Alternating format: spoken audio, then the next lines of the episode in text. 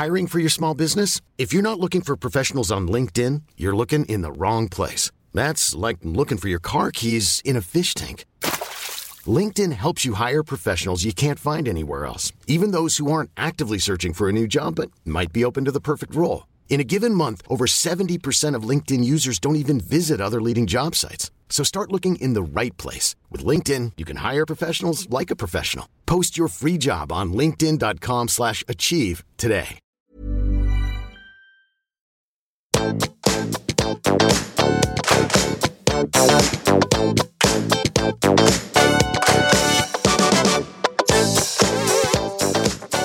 alle sammen, og velkommen tilbake til podkasten Karriereveiledning med Elaine. I forrige episode så var tema emosjonell avhengighet. Hvor vi dypdykka Jeg skal si kanskje ikke dypdykka, men litt sånn overordna eh, tok for oss emosjonell avhengighet. Det er jo noe som eh, vi alle sammen både har og kan kjenne på, men som ikke er så lett å se bestandig, eller som er litt vanskelig noen ganger å få tak i. Og det er også litt av både motivasjon og intensjonen med å gjøre denne lille podkastserien her, emosjonell avhengighet, emosjonell modenhet, hvor vi også skal trekke det videre og se på noen nyere forskning som knytter seg bl.a. til nervesystemet når vi snakker om dette med emosjonell modenhet. Og ikke minst hvordan dette her kan også være ekstremt viktig for karriereplanlegging, karrierevalg og karriereutvikling. Så når vi så på emosjonell avhengighet sist, så handla det om å i hvert fall håpe, eller hadde et håp om at du som lytta kanskje skulle bli litt nysgjerrig på ja, hva er det egentlig? Og, og, er det noen spesielle følelser jeg er avhengig av? Er jeg avhengig av stress? Er jeg avhengig av drama eller konflikter? Eh, er jeg avhengig av altså you fill in the blanks? Her er det, det kommer til uttrykk på mange forskjellige måter. Og hør nå, det er jo ikke sånn at dette bare handler om det som er negativt. Men det handler om i større grad å kunne identifisere det som er mindre hensiktsmessig, for å så kunne gjøre noe med det. Fordi nå har jeg jobbet med karriereveiledning i over ti år og ser en del av de samme hva skal vi si, mønstrene gjenta seg, som også kan knyttes til bl.a. emosjonell avhengighet. Sånn som han ene som alltid havna i konflikter og endte opp med å ikke få sparken, men det var nok konflikter til at det på en måte ikke gikk an å stå i det arbeidsforholdet. Hvor det alltid handler om lederen, det var alltid noe gærent med alle andre. Men så viste det seg, det er mange år siden jeg har fått lov til å dele historien, når vi begynte å jobbe sammen, at så fort det ble, ble, stille og rolig, og ting gikk tålelig greit, så eh, var det et så uvant sted å være på for han at han hadde behov for konflikt eller drama. Så ubevisst så, så fyrte han opp på en måte Eller satte i gang små konflikter uten å være klar over det sjøl. Um, så det er jo én måte det kan komme til uttrykk på. En annen måte det kan komme til uttrykk på, er å ikke klare å sette grenser. Uh, man er avhengig av å skulle være noe for andre hele tiden, sånn at man på en måte blir selvutslettende og syns det er utfordrende å sette grenser. Man kan være avhengig av nettopp det at andre er avhengig av deg. Så her er det utallige ulike måter dette kommer til uttrykk på. Men når vi skal snakke om emosjonell modenhet, som, der, altså som, denne episoden her handler om, så henger jo det selvfølgelig sammen med emosjonell avhengighet. For det handler om å se på hva det jeg kan være avhengig av, og hvordan kan jeg starte å jobbe med det. Det er litt av det vi skal se på i dag. Og noe som er utrolig viktig, som jeg også nevnte sist, det er når man setter i gang og begynner å se på litt av disse tingene, så kan det være ubehagelig, for du er nødt for å sette av tid til å bli kjent med deg sjøl, kanskje sitte litt i fred og ro, gå en tur i naturen, ta fram penn og papir eller Mac-en og virkelig begynne å bli bevisst hva er det som dukker opp i de ulike situasjonene som påvirker relasjonene mine på den måten, eller som påvirker atferden min, eller å, som gjør at jeg sier det jeg angrer på. Um, så det er noe med å være mild med seg sjøl når man starter litt av dette arbeidet her. For når vi oppdager ulike følelsesmessige avhengigheter, som jeg også nevnte sist, så er det noen som kan kjenne på skam. Å, herregud. For eksempel, jeg har et eksempel som ikke har noe med karriere å gjøre, men det kan overføres til karriere. Det var en som alltid var ekstremt sjalu. Og hver gang hun da på en måte peste samboeren sin, og han kom og hadde vært ute, så fikk hun da alltid bekreftelse på at hun var den eneste for han, og han ville aldri vært utro. Og da fikk hun litt sånn sin dose med hva skal vi si for noe, altså sin dose med denne bekreftelsesdruggen som hun var avhengig av. Så dette her igjen utspiller seg på mange måter. Men det kan godt være at du er avhengig av ros eh, fra lederen din for å kjenne at du har verdi. Det kan være at du er avhengig av et eller annet i teamet ditt som du tenker er av betydning for et eller annet. Så dette her spiller i aller høyeste grad inn i karriereutvikling. Og vi vet jo, og dere som har fulgt podkasten nå snart gjennom 85 episoder, er det vel, vet at jeg har snakket om at karriere ikke kan ses på som isolert. Det gir overslag til alle arenaer vi er en del av og opptrer på. Og samtidig så handler det om eh, å definere for deg nå hva er det du tenker kan være emosjonell avhengighet eh, når du ser på deg sjøl, eller kanskje de rundt deg også, hvis du har lyst til å inkludere noen i dette her. Og hva er det du på en måte legger i begrepet emosjonell modenhet? Altså hva er det du tenker på når disse tingene kommer opp? Så hele nøkkelen til å kunne starte på den reisen som handler om å forstå seg selv litt bedre Og nå snakker jeg ikke om bare sånn kognitivt og rasjonelt. Det er masse ting vi kan forstå og rasjonalisere. Men en del av de følelsene vi har, det er ikke alltid så lett å på en måte skjønne de eller forstå de, men de kan også komme til uttrykk eller manifestere seg gjennom kroppen. Eh, klump i magen, eh, stress i skuldrene, eh, trykk bak øynene. Det er mange måter emosjonene våre kan komme til uttrykk på, og vi vet jo det, mine venner, at body, mind and soul her, det henger jo sammen. Men det aller første steget handler om å bare nå kanskje lytte til dette og bli bevisst og også kanskje begynne å observere de rundt deg uten å dømme. Er det noen mønstre du kan kjenne igjen hos samboeren din, hos barna dine, hos kollegaene dine? Altså hensiktsmessig eller uhensiktsmessig. Men bare begynne å observere litt og være litt nysgjerrig på hva som gjør at vedkommende alltid reagerer med sinne. Eller hvorfor foregår alltid det i den spesielle settingen. Dette her er nemlig mønstre som ofte gjentar seg, og som har gjentatt seg over lang, lang tid. Så den bevisstheten, det er hele nøkkelen. Og det er idet man på en måte begynner å bli bevisst, at det er mulig da til å begynne å identifisere og gjøre noe med det. Og hvorfor kan dette være av interesse? Jo, det er flere årsaker. For det første så er det også selvfølgelig sånn at emosjonene våre påvirker også our brain, altså hodet vårt. Igjen, dette systemet her jobber sammen. Og skal jeg si dere en ting? Det er jo sånn at man kaller, eller en del forskere, dette er også evidensbasert, kaller altså magen for the second brain. De har funnet masse interessante hva skal vi si, eh, eh, nerveceller altså i magen, in the, the, gut feeling. For vi har en sånn vagusnerve som knytter seg til de ulike delene av systemet vårt, som vi skal snakke mer om seinere. Det er derfor av og til uh, du kan kjenne en klump i magen, eller noen kan kjenne at det knyter seg i magen. Så det ene handler om å bli bevisst og idet du skal fyre deg opp eller kjenner det stress, eller hvor er det det sitter i kroppen? Og nummer to, hvilke tanker er det som farer gjennom hodet ditt? Fordi vi vet nå med hjerneforskning at det er mulig å rewire your brain reward system. Altså du kan rett og slett jobbe med altså neuroplasticity. Du kan f.eks. jobbe med å minimere noen av de nevrale pathway eller koblingene du har hatt. Hvis du hele tiden har fortalt deg selv 'Jeg får det ikke til. Jeg er for dum. Jeg er for tjukk. Jeg er for stygg.' Altså var enda godt å fortelle deg sjøl. Så jo mer, tenker, jo mer, du tenker de tankene, så blir det en sånn sterkere motorvei i hjernen. Men nå er det forska på at kan Hjernen den er plastisk, så her kan vi utvikle nye nevroner, og vi kan minimere noen av de eh, harde wired neural pathwayene da, vi på en måte har utvikla. Men litt av poenget også, hvorfor vi snakker om dette sammen med emosjonell avhengighet, er og Jeg skal bruke eksempler med stress.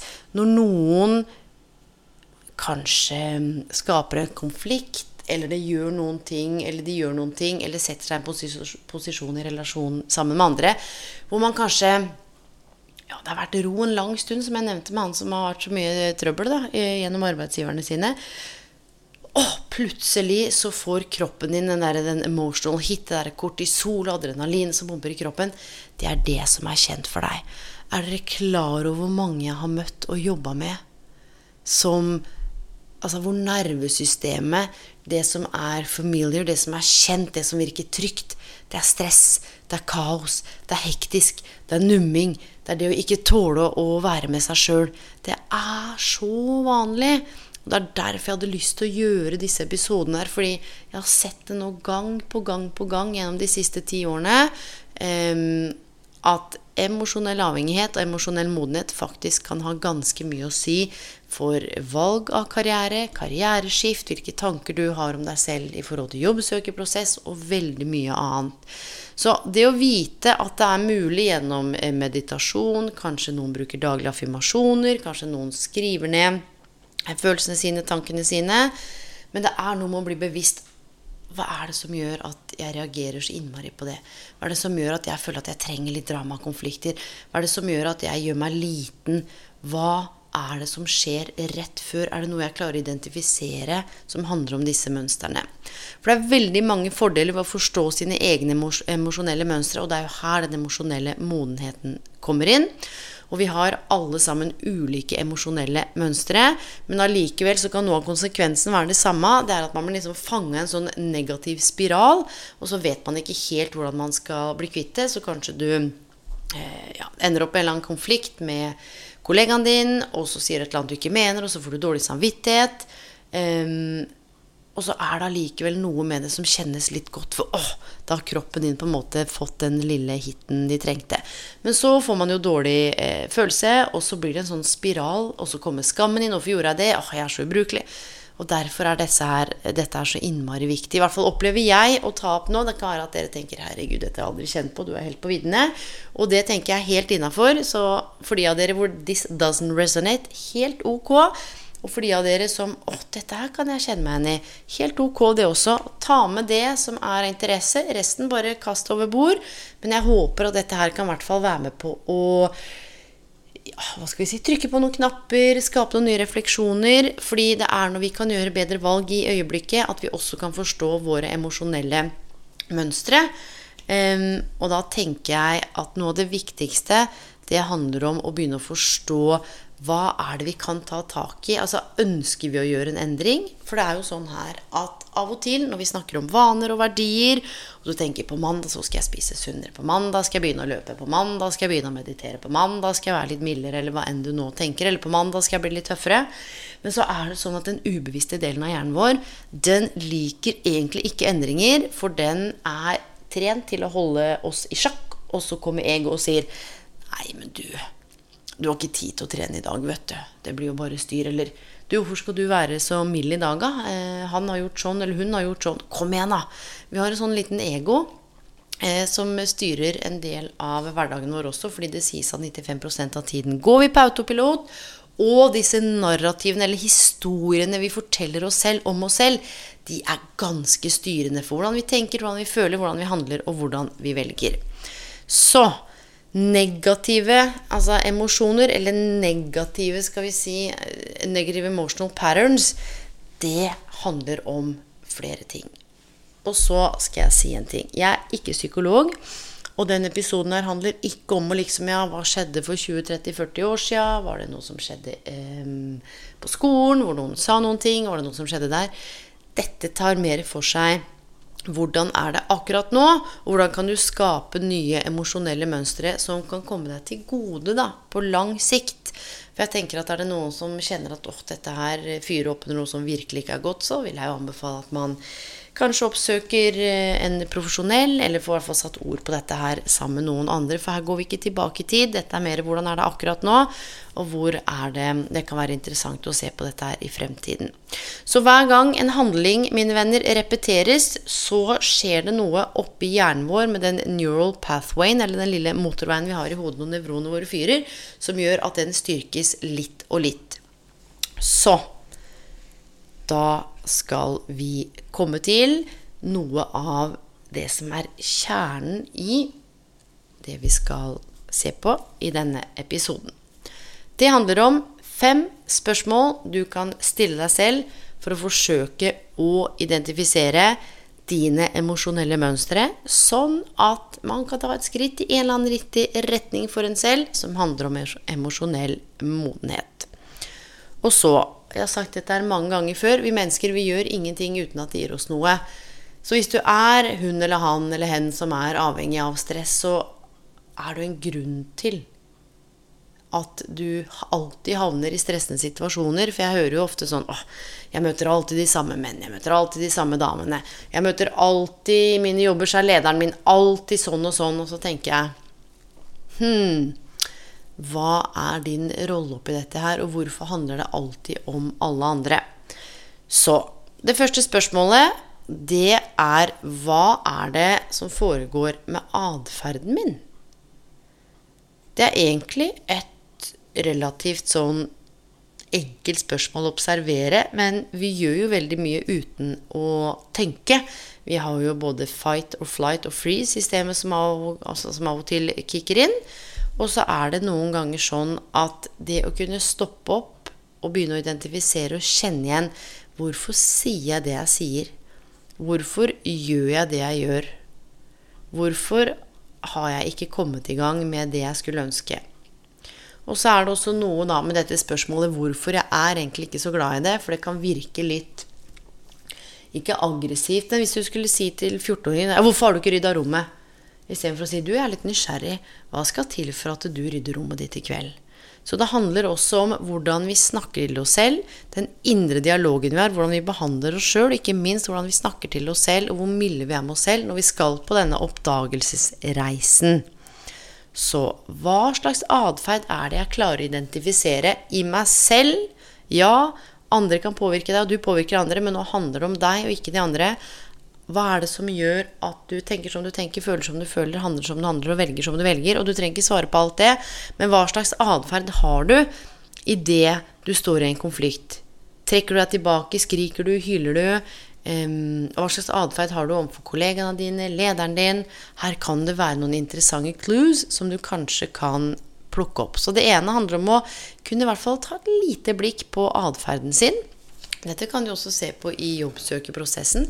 Hva er det som skjer med deg når du skal på intervju? Hva er det som skjer med deg hvis du skal ta en telefon eller skrive søknad? Hva er typiske ting du forteller deg sjøl?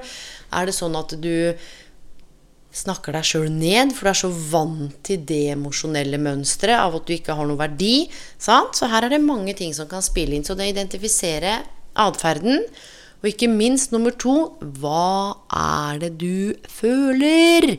Dette her er dritvanskelig, og vi snakker om følelser ganske ofte nå, for det er i stor grad på agendaen. Men guri land og mange jeg har møtt, inkludert meg sjøl for et par år sia, så syns det var litt vanskelig. Vanskelig å være sårbar, vanskelig å liksom helt klare å sette ord på eh, hva man følte. Egentlig vært ganske tøff hele livet, og er det enda. Men gjennom de siste ti årene med arbeidet mitt òg, så er jo selvfølgelig sårbar en, eh, det å være sårbar en kjempestyrke. Og det å tørre å være lei seg, det å grine. Litt sånn kleint for mange, og det er helt i orden. Men hvorfor er det viktig å kunne detekte følelser du føler. Det handler om at følelsene våre har en tendens til å overta oss totalt og distrahere oss. Kan du tenke deg bare det hvis du kjører i trafikken, og en eller annen kjører foran deg, og du blir drithissig, eller en eller annen kommer med en kommentar som du misforstår, og du blir ordentlig lei deg. Dette her kan også være en del av disse mønstrene. Så gode strategier for å identifisere følelsene dine, det handler om å tune inn i kroppen. Ut av hodet, ut av det rasjonelle, ut av det å skulle tenke at dette er bra eller dårlig. Vend alle sansene innover i kroppen. Og finn ut av Ok, dette er sinne. Dette er frykt. Dette er nervøsitet. Dette er glede. Da har du både begynt å kunne identifisere atferden din, nå kan du begynne å identifisere følelsene dine. Og så er det jo noe med å kunne undersøke, punkt nummer tre, hvilke negative emosjoner eller atferder er det du ser repeteres i livet ditt på de ulike arenaene. Fordi herregud, vi har da ulike følelser, og livet skjer uten at alt er emosjonell avhengighet, og alt skal, eh, hva skal vi si, analyseres i hjel. Dette er ikke poenget. Dette altså Poenget handler om å bare kunne identifisere disse repeterende mønstrene. For når du kan identifisere atferden din og de underliggende emosjonene, så er det muligheter for å kunne begynne å gjøre noen justeringer fordi følelsene våre har en tendens til å repetere seg selv fordi vi har rett og slett blitt så vant til eh, kortisolinnsprøytningen eller adrenalinet eller hva enn av de ulike kjemikaliene som skilles ut. Og det kan jo være frykten for å ikke være god nok, frykten for at noen skal forlate deg, frykten for det ene, frykten for det andre. Dette her kan være litt sånn deep rooter også. Det kan gå litt tilbake i tid. Men det er ikke det vi skal se på nå. Men det er ikke noe som bare har dukka opp nå nylig. Men det å kunne tune inn på seg sjøl, bli mer bevisst på hvilke mønstre du har som knytter seg til det emosjonelle, som, og her er nøkkelen, gjentar seg. Gjentagende mønstre. Der ligger hele nøkkelen. Og da når du har klart å identifisere hva slags type atferd har jeg, hva slags type emosjoner er det jeg ser her, hva slags type situasjoner eller settinger er det jeg ser gjentar seg, ja, da har du jo kommet et langt stykke på vei. Altså, vi kan ikke endre noen ting før vi har bevisst det. Og det å kunne begynne å bli bevisst Aha! Når det skjer, så reagerer jeg sånn. Da føler jeg dette. Dette ser jeg skje flere ganger. Når jeg ikke får det, eller når jeg kjenner på det, så opplever jeg Da kan du begynne å gjøre nødvendige justeringer og stille deg selv Er det noen annen måte jeg har lyst til å reagere på? Fordi av og til, når vi blir ordentlig sinna, som vi har fullt rett til noen ganger, eller leie, som vi også har rett til, og alle de følelsene som dukker opp, så drar vi det med oss gjennom hele dagen fordi vi blir eh, fyrt inn i en tilstand. Så har det skjedd noen ting, og så går du rundt med stress på jobben. Og så tar du med deg det stresset hjem til familien din. Og så tar du med deg det stresset på treninga, og så må du bare få til stresset på treninga. Skjønner du, Det blir et veldig uheldig mønster, og dette her er heller ikke bærekraftig å stå i i lengden. F.eks. i et arbeidsforhold. Så konklusjonen, da. Det er utfordrende, eller kan være utfordrende, å identifisere emosjonelle mønstre. Men det er når vi kan se emosjonelle, repeterende mønstre over tid og i ulike settinger, at vi kan begynne å gjøre noen ting med det. Og ja, det fins mange assholes der ute, men det fins mange fantastiske mennesker der ute også. Så det er den kombinasjonen av å både kunne snu kameraet innover og se seg sjøl i speilet, og se hva er det jeg bidrar med inn i relasjonene, og hvordan er det jeg lar andre påvirke meg. Så det jeg ønsker med denne episoden, er at du skal ha tålmodighet med deg selv. Og rett og slett, hvis dette her er noe du tenker kan være av interesse, ja, så kan du allerede begynne i morgen, da. Med å være litt nysgjerrig på. Og jeg bruker ordet nysgjerrig fordi du skal ikke dømme deg sjøl, du skal ikke dømme andre. Du skal være nysgjerrig på hva er det som gjør i det møtet at hver gang kollegaen din skal et eller annet, så blir hun hissig eller kort eller hm, når det egentlig ikke er noen grunn til det. Hva er det som kan ligge bak? Og gjennom også å være nysgjerrig på at det alltid ligger noe bak som ikke vi tar tak i. Skal jeg si dere en ting? Dette er i hvert fall min subjektive opplevelse. Så blir man litt mildere både med seg sjøl og med andre. Man får litt mer tålmodighet. Og hør nå, alle bærer på et eller annet. Og når det kommer til valg av karriere, f.eks., så har jeg også møtt folk som er livredd for å velge drømmejobben sin, eller livredd for å velge det de har mest lyst til, i tilfelle det skulle vise seg at ikke de får det til.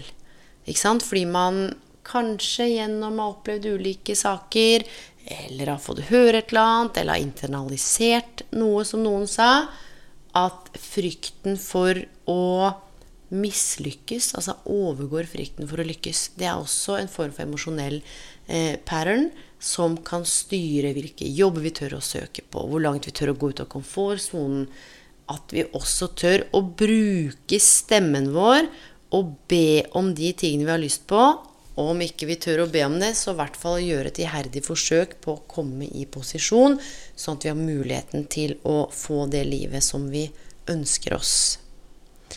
Og med dette, mine venner, så håper jeg at det er noen drypp her som kan være av interesse. For i neste episode så skal vi koble emosjonell avhengighet, emosjonell modenhet, sammen med relativt ny forskning på noe veldig spennende som knytter seg til nervesystemet, som de fleste av dere kjenner til som det sympatiske og parasympatiske. Det ene eh, som på en måte ubevisst får eh, pusten til å gå, pumpa slår, du veit en del av det som vi tenker at ikke vi kontroller, kan kontrollere.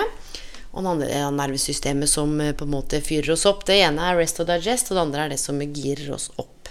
Og innenfor dette her så har vi også fight, flight or freeze. Og dette har vi jo de fleste hørt om at når vi blir superstressa eller livredde eller kjenner på angst, så pulsen går opp, svett i hendene så vi skal koble dette her opp mot nervesystemet, og da håper jeg at eh, mange av oss vil få en liten sånn aha-opplevelse.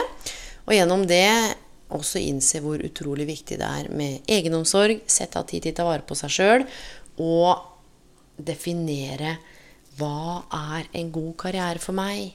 Hva betyr karrieresuksess for meg? Hva er det som gjør at jeg kjenner at jeg ikke trives nå? Hva er det som gjør at jeg er usikker på om jeg er på rett plass? Disse tingene her skal vi ta tak i i kommende episoder. Og med det, mine venner, så ønsker jeg dere en god kveld, eh, god natt eller god morgen, eller hvor enn dere er i verden. Og så skal jeg puste letta ut, fordi masteroppgaven i karriereveiledning er levert. Den er titulert 'Et våkent øye'. Og om veldig få dager nå så skal oppgaven forsvares muntlig. Og da er jeg ferdig med fire år deltidsstudie på masteren i karriereveiledning ved siden av eh, å drive eget selskap eller to selskaper og ha en kid. Så det er ikke sikkert det hørtes sånn ut i dag i podkasten, for jeg var veldig ivrig nesten så jeg står når jeg snakker om dette, for jeg opplever at dette er så viktig. Um, men det er en litt, litt, roligere Bloom med litt roligere puls. Reporting live from the kitchen in La Casa de la Bloom. Så det kommer til å skje mye spennende fremover. Um, hvis det er noe, så sender dere en mail. Jeg fins jo både på Instagram og Facebook og ja. Mine venner, kos dere. Det er eh, jaggu sommer i lufta. På gjenhør!